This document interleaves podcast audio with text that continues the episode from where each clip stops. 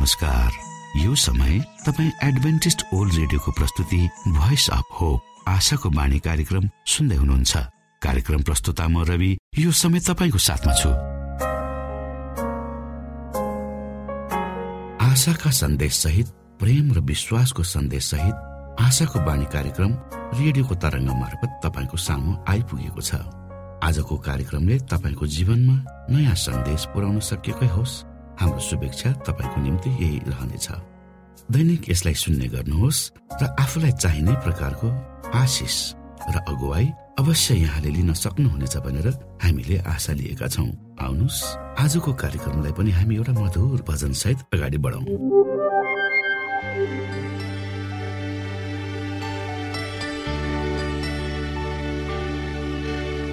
जानी जानी रुहाउँदा पनि माया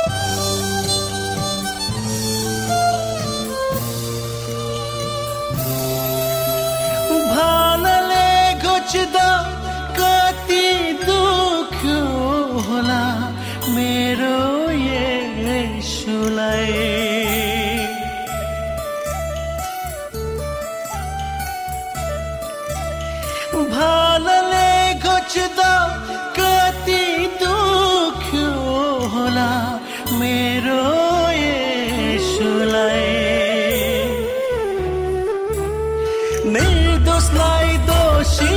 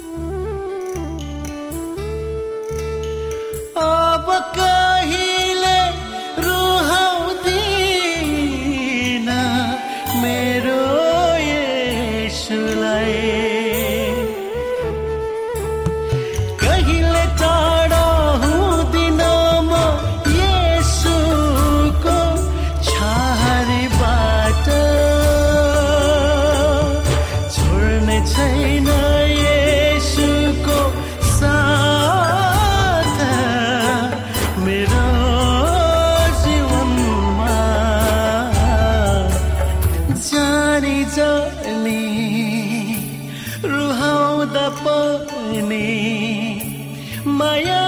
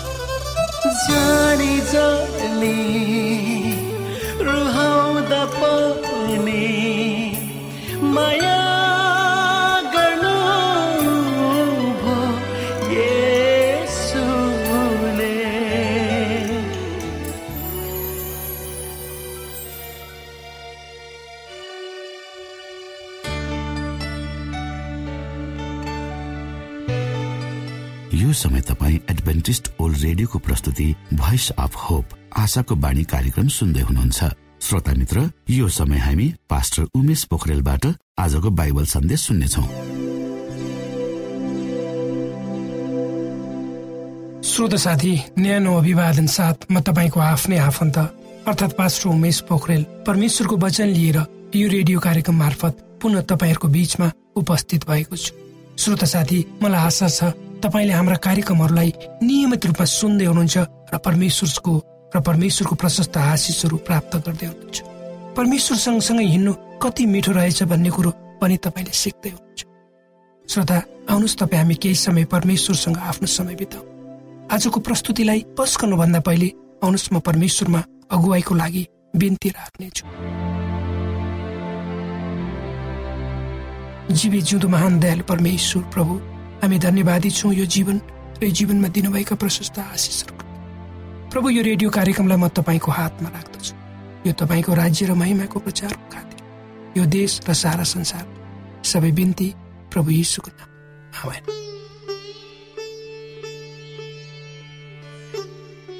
श्रोत साथी भनिन्छ ती दुःखका दिनहरूलाई बिर्सिदिनुहोस् र आशिषका दिनहरूलाई सम्झेर अगाडि बढ्नुहोस्। अर्थात् दुःखका दिनहरूलाई नसम्झनुहोस् तर सुखका दिनहरूलाई आशिषको रूपमा लिएर अगाडि बढ्नुहोस्। जब तपाईँ र मैले आफ्नो परिस्थितिहरूलाई परिवर्तन गर्न सक्दैनौँ भने हामीहरू आफै परिवर्तित हुनुपर्छ। त्यसै गरी ती मानिसहरूसँग रहनुहोस् जसले तपाईँसँग जे छ त्यसबाट राम्रो निकाल्छन् तर जसले तपाईँलाई कष्टमा राख्छन् तिनीहरूसँग पट्टाडे यी विचारहरूले तपाईँलाई आफ्नो जीवनमा अगाडि बढ्न प्रेरित गरून्। श्रोत साथी हाम्रा जीवनका प्रत्येक घाउहरू सम्झदा हामी डराउँछौँ र ती प्रत्येक घाउहरूले डर लाग्दा कथाहरू भन्छ। एउटा कथा जसले भन्छ म बाँचे। त्यसकारण आफ्ना सबै किसिमका घाउहरूलाई बुद्धिमा ढाल्नुहोस् अनि जीवनको यात्राहरू अगाडि बढाउनुहोस्। जब तपाईँ हामी आफ्नो जीवनमा अगाडि बढ्दै जान्छौँ वा हुर्कँदै जान्छौँ तब हामीहरूले आफ्ना पुराना साथीभाइहरूलाई छोड्दै र नयाँ साथीहरू बनाउँदै जान्छौँ। तर त्यसको साथसाथै हाम्रा वास्तविक मित्र को हुन् भनी जान्दै पनि जान्छौँ। होइन र मैले आफ्नो जीवन यात्राको क्रममा भोगेको छु र सिकेको छु। जीवनलाई समय अनुसार हिँडाउनु पर्छ अर्थात् जसरी भए पनि यसलाई निरन्तर रूपमा ठेली नै रहनुपर्छ। जस्तो सुकै प्रतिकूल अवस्था भएर पनि हामी किन नगुज्रेका हौ। तर त्यो अवस्थालाई पार गरेर अगाडि बढ्ने बाटो जीवनले खोज्दछ वा खोज्नै पर्छ। एक वर्ष अगाडिको कुरो हो मेरो मोबाइलमा कसैको फोन आउँछ। नेपालको मोबाइल जहिले पनि नेटवर्कको गडबडी धेरै ठाउँमा राम्ररी सुन्न सकिन्। कसैले आत्तिएर फोन गरे जस्तो सुन्छु मोबाइलमा अनि फेरि के रहेछ भनेर वास्तविकता बुझ्न फोन गर्छु। उताबाट एउटा चिनेकी दिदीले भन्नुहुन्छ सर फलानी त मरिछन् म हात्तिन्छु किन र कसरी? भन्ने प्रश्न राख्न खोज्छु फोनबाटै। उनी उताबाट भन्छन् फलानु अस्पतालमा हामी सबै जम्मा भएका छौँ त्यही आउनुहोस् झट्टै। म अर्कै काम लिएर बसमा बानेश्वरतिर जाँदै हुन्छु। र बानेश्वरमा पुगेर त्यहाँबाट ओर्लेर अर्को गाडी समातेर सिनामङ्गलको अस्पतालतिर जान्छु। म अस्पतालमा पुग्दा धेरै मानिसहरू त्यहाँ भेला भइसकेका रहेछन् र म पत्याउनै सक्दिनँ कि हिजोसम्म मैले भेटेर कुरा गरेकी जसलाई म भाउजू भन्थे। आइमाई अहिले मेरो अगाडि मृत्युमा आनन्द साथ शान्तिमा सुतिरहे मुखबाट अलिकति रगत बाँकेको भए उनी अहिले नै जाग्छिन् र त्यति बेलै उठेर मसँग कुरा गर्छिन् जस्तो लाग्दथ्यो। मेरो मन दुख्छ तर के गर्ने? अब त अन्तिम संस्कारको निम्ति चाँजो पाँजो मिलाउनु पर्ने भयो। मृत महिलाकी श्रीमान छोराछोरी बुहारीहरू शोका मन शोका मन छन्। उनीहरूलाई सम्झाउने कोसिस गर्छु अनि अन्तिम संस्कारको निम्ति के गर्ने सरसल्लाहमा हामी जान्छौँ। दिन एक बजिसकेको छ। नेपालमा इसाईहरूलाई मरेपछि गाड्ने उचित ठाउँ नभएकोले कयौँ हाम्रा विश्वासीलाई लुकाएर गाड्ने र जलाउने पनि गरेका छु। दुःख पनि लाग्छ। सबै कुरा सम्झँदा कसलाई के भन्? उसँग लडाइँ गर। आखिरमा भाउजूले ती भाउजूले झै अचानक एउटा सानो झगडामा आफ्नो जीवन र यो संसारलाई छोडेर जानुपर्ने रहेछ। त्यसकारण मरेकाहरूमाथि झै झगडा गर्नुभन्दा बुद्धिमानी त्यति बेलाको परिस्थितिलाई सहज बाउनु बनाउनु नै हुन्छ।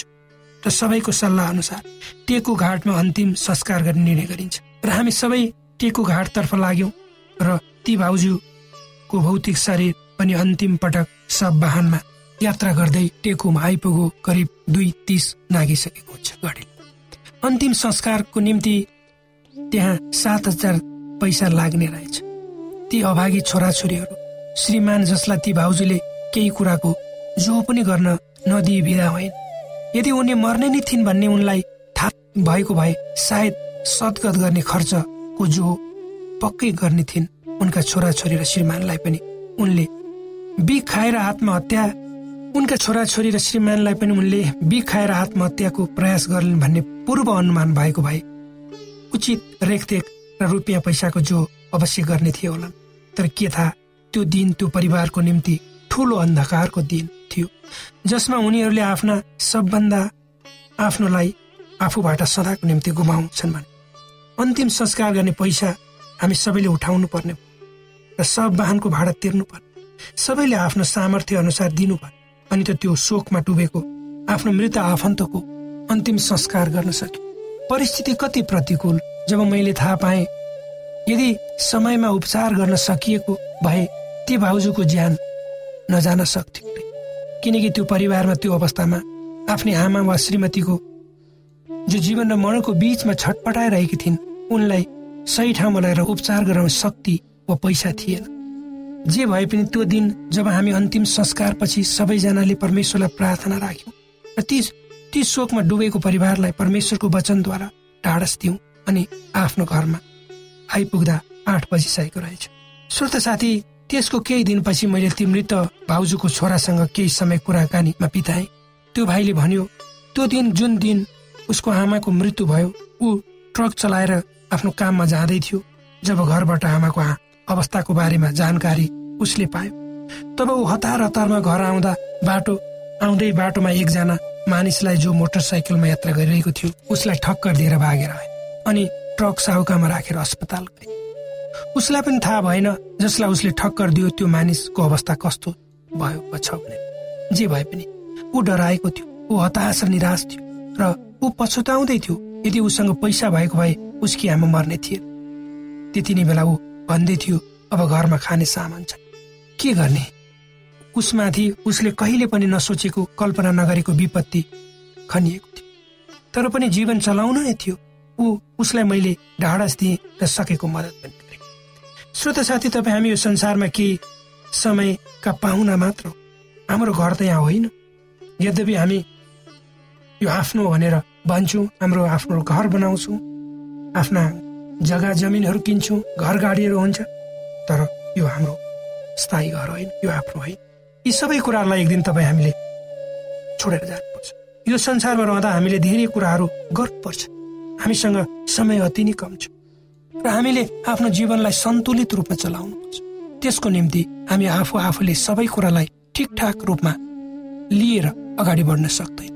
दुःख कष्ट समस्या अप्ठ्यारा र मृत्युहरूलाई हामी आफैले भोग्नुपर्छ वा अनुभव गर्नुपर्छ। मानिस जन्मेपछि उसले अवश्य पनि मर्नै पर्छ। तर जबसम्म तपाईँ हामी जीवित छौँ हामी सोच्दछौँ हामी सधैँको निम्ति जिउ जिउनेछौँ अर्थात् हामी मर्दैन। तर यो तितो सत्यलाई तपाईँ हामी सबैले आत्मसात गरेर जीवनलाई चलाउनुपर्छ।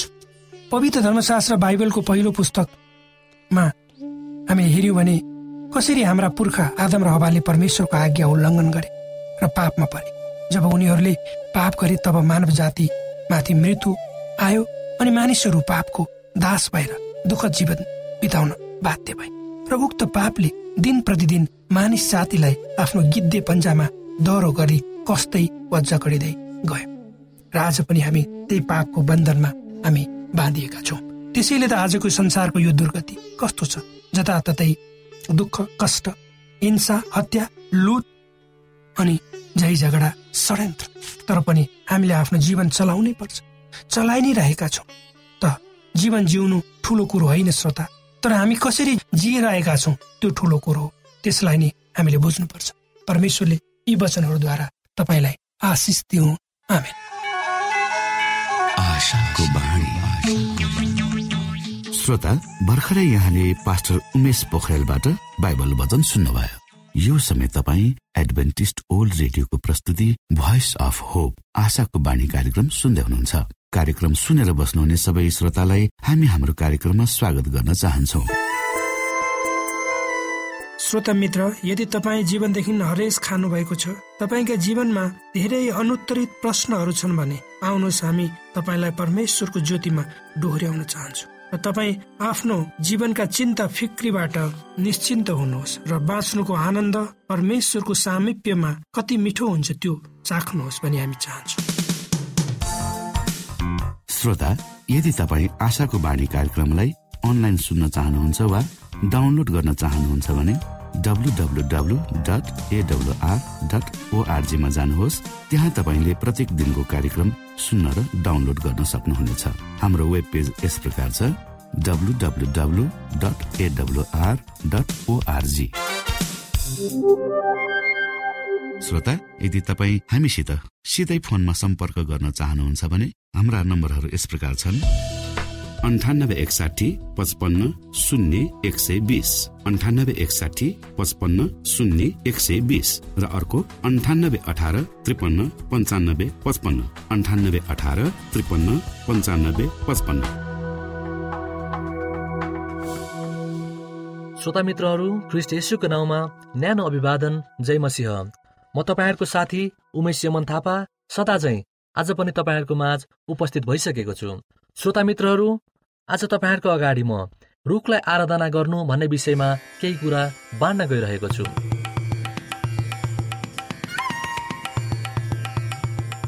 सडकको छेउको कुनामा एउटा ठुलो रुख छ। त्यस रुखका बोक्राहरू धेरै वर्षदेखिको घाम पानी र साना बच्चाहरूका नङ्ग्राहरूले सबै उकिएका छन्। गन्न नसकिने खुट्टाहरूले कुल्चिँदा त्यहाँ धुलोहरू पनि थिचिसकेका छ र रुखका जराहरू चिल्ला छन्। जहाँ बच्चाहरू र ठुलाहरूको लागि बस्ने ठाउँ बनेको छ। यो रुख एकदमै विशेष छ। यो बच्चाहरूको साबतमा आराधना गर्ने ठाउँ हो। यहाँ उनीहरूले भजन गाउँछन् आफ्ना शिक्षकहरूबाट बाइबलका कथाहरू सुन्ने गर्दछन्। यो रुख नै बच्चाहरूको हरेक शनिबारको दिन साबतको कक्षा कोठा हो। उत्तर पश्चिम अफ्रिकाको सानो सहर इगुवा भूमामा कुनै एडभान्टेज मण्डली छैन। एउटा सानो मण्डली छ जुन एउटा सानो हल भाडामा लिएर सङ्गति गर्ने गरिएको छ जुन एउटा मात्र कोठा छ।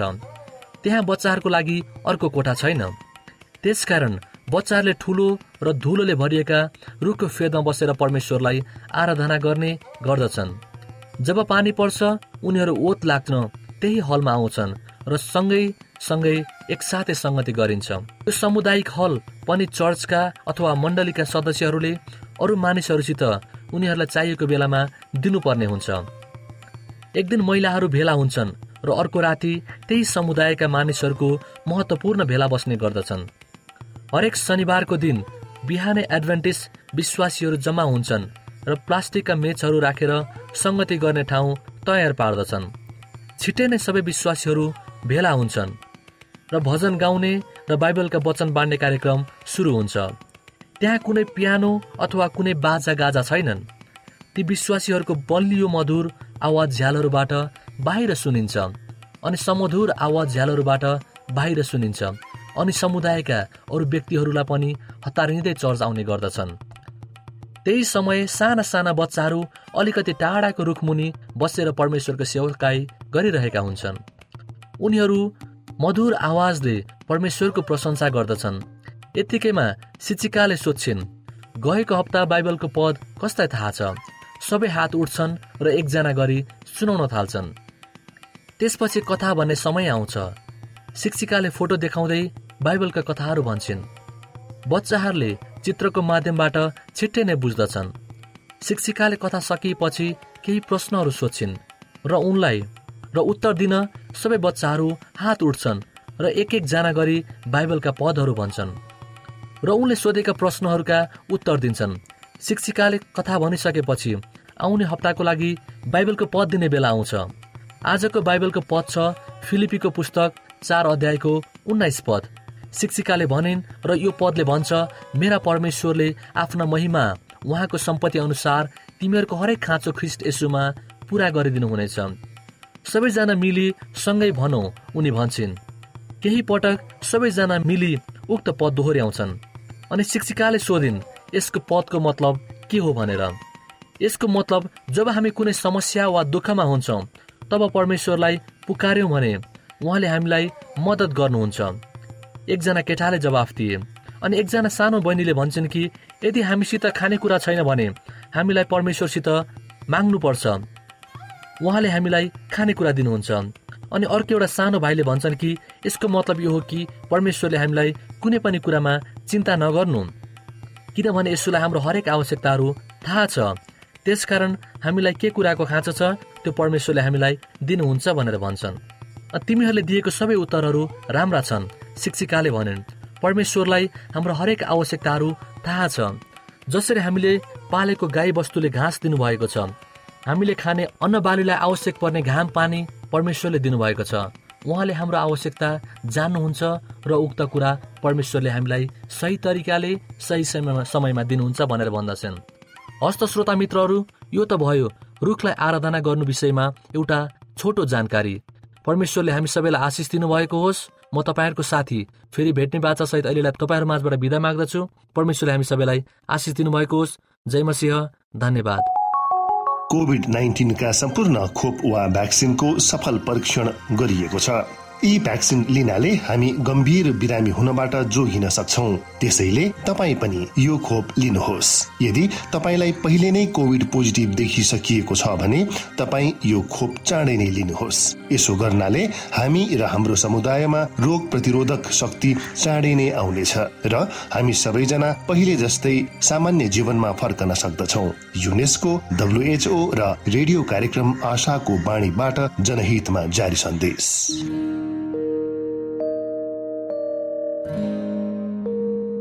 आदरणीय मित्र बाइबलले बताएको छ परमेश्वरले तीर्खाकाहरूलाई तृप्त पार्नुहुन्छ र भोकालाई उत्तम पदार्थले सन्तुष्ट पार्नुहुन्छ। हामीलाई दिइएको यो छोटो समय आशाको बाणीको प्रस्तुतिको समयमा हामीले हाम्रा श्रोताको आत्मिक भोकलाई केही मात्रामा भए तापनि सही प्रकारको खोराक पस्केर आत्मिक सन्तुष्टि दिन सकेका छौँ केही ऊर्जा थप्न सकेका छौँ भनेर हामीले आशा राखेका छौँ। आफ्ना मनमा भएका केही दुविधा र शङ्काहरू छन् भने अवश्य हामीसँग बाँडेर शङ्काको निवारण गर्नुहुनेछ र सही प्रकारको बाटो पहिल्याउन सक्नुहुनेछ परमेश्वरको सच्चाइले अझ राम्रो बुझ्न सक्नुहुनेछ र आफ्नो जीवनलाई परमेश्वरमा पूर्ण समर्पित भएर समर्पण सहितको जीवन बिताउन सक्नुहुनेछ भनेर आशा राख्दै अब हामी हाम्रो कार्यक्रम सकिएको जानकारी यहाँलाई गराउन चाहन्छौ। जानुभन्दा अगाडि श्रोता हामी यहाँलाई हाम्रो ठेगानाको विषयमा जानकारी गरौं। हामीसँग पत्राचार गर्ने हाम्रो ठेगाना यस प्रकार छ। आशाको बाणी पोस्ट बक्स नम्बर दुई शून्य शून्य शून्य दुई काठमाडौँ नेपाल। आशाको बाणी पोस्ट बक्स नम्बर दुई शून्य शून्य शून्य दुई काठमाडौँ नेपाल। यसै गरी श्रोता यदि तपाईँ हामीसँग सिधै कुराकानी गर्न चाहनुहुन्छ भने हाम्रो फोन नम्बर यस प्रकार छ। अन्ठानब्बे एकसाठी पचपन्न शून्य एक सय बिस र अर्को अन्ठानब्बे अठार त्रिपन्न पन्चानब्बे पचपन्न। यदि तपाईँ हामीलाई अनलाइन सुन्न चाहनुहुन्छ वा डाउनलोड गर्न चाहनुहुन्छ भने तपाईँ W W W dot AWR dot ओआरजीमा जानुहोस् र त्यहाँ तपाईँले हाम्रा सबै कार्यक्रमहरू सुन्न सक्नुहुनेछ। हाम्रो वेब पेज यस प्रकार छ ओआरजी श्रोता यसमा गएर तपाईँले हाम्रा दैनिक कार्यक्रमलाई सुन्न सक्नुहुनेछ र डाउनलोड पनि गर्न सक्नुहुनेछ। हवस् त श्रोता हाम्रो कार्यक्रम सुनिदिनु भएकोमा एकचोटि फेरि यहाँलाई धन्यवाद दिँदै भोलि फेरि यही स्टेशन यही समयमा यहाँसँग भेट्ने आशा राख्दै प्राविधिक साथी राजेश पास्टर उमेश पोखरेल र कार्यक्रम प्रस्तुता म रवि यहाँसँग विदा माग्दछौ। परमेश्वरले तपाईँलाई धेरै धेरै आशिष दिनुभएको होस्। नमस्कार।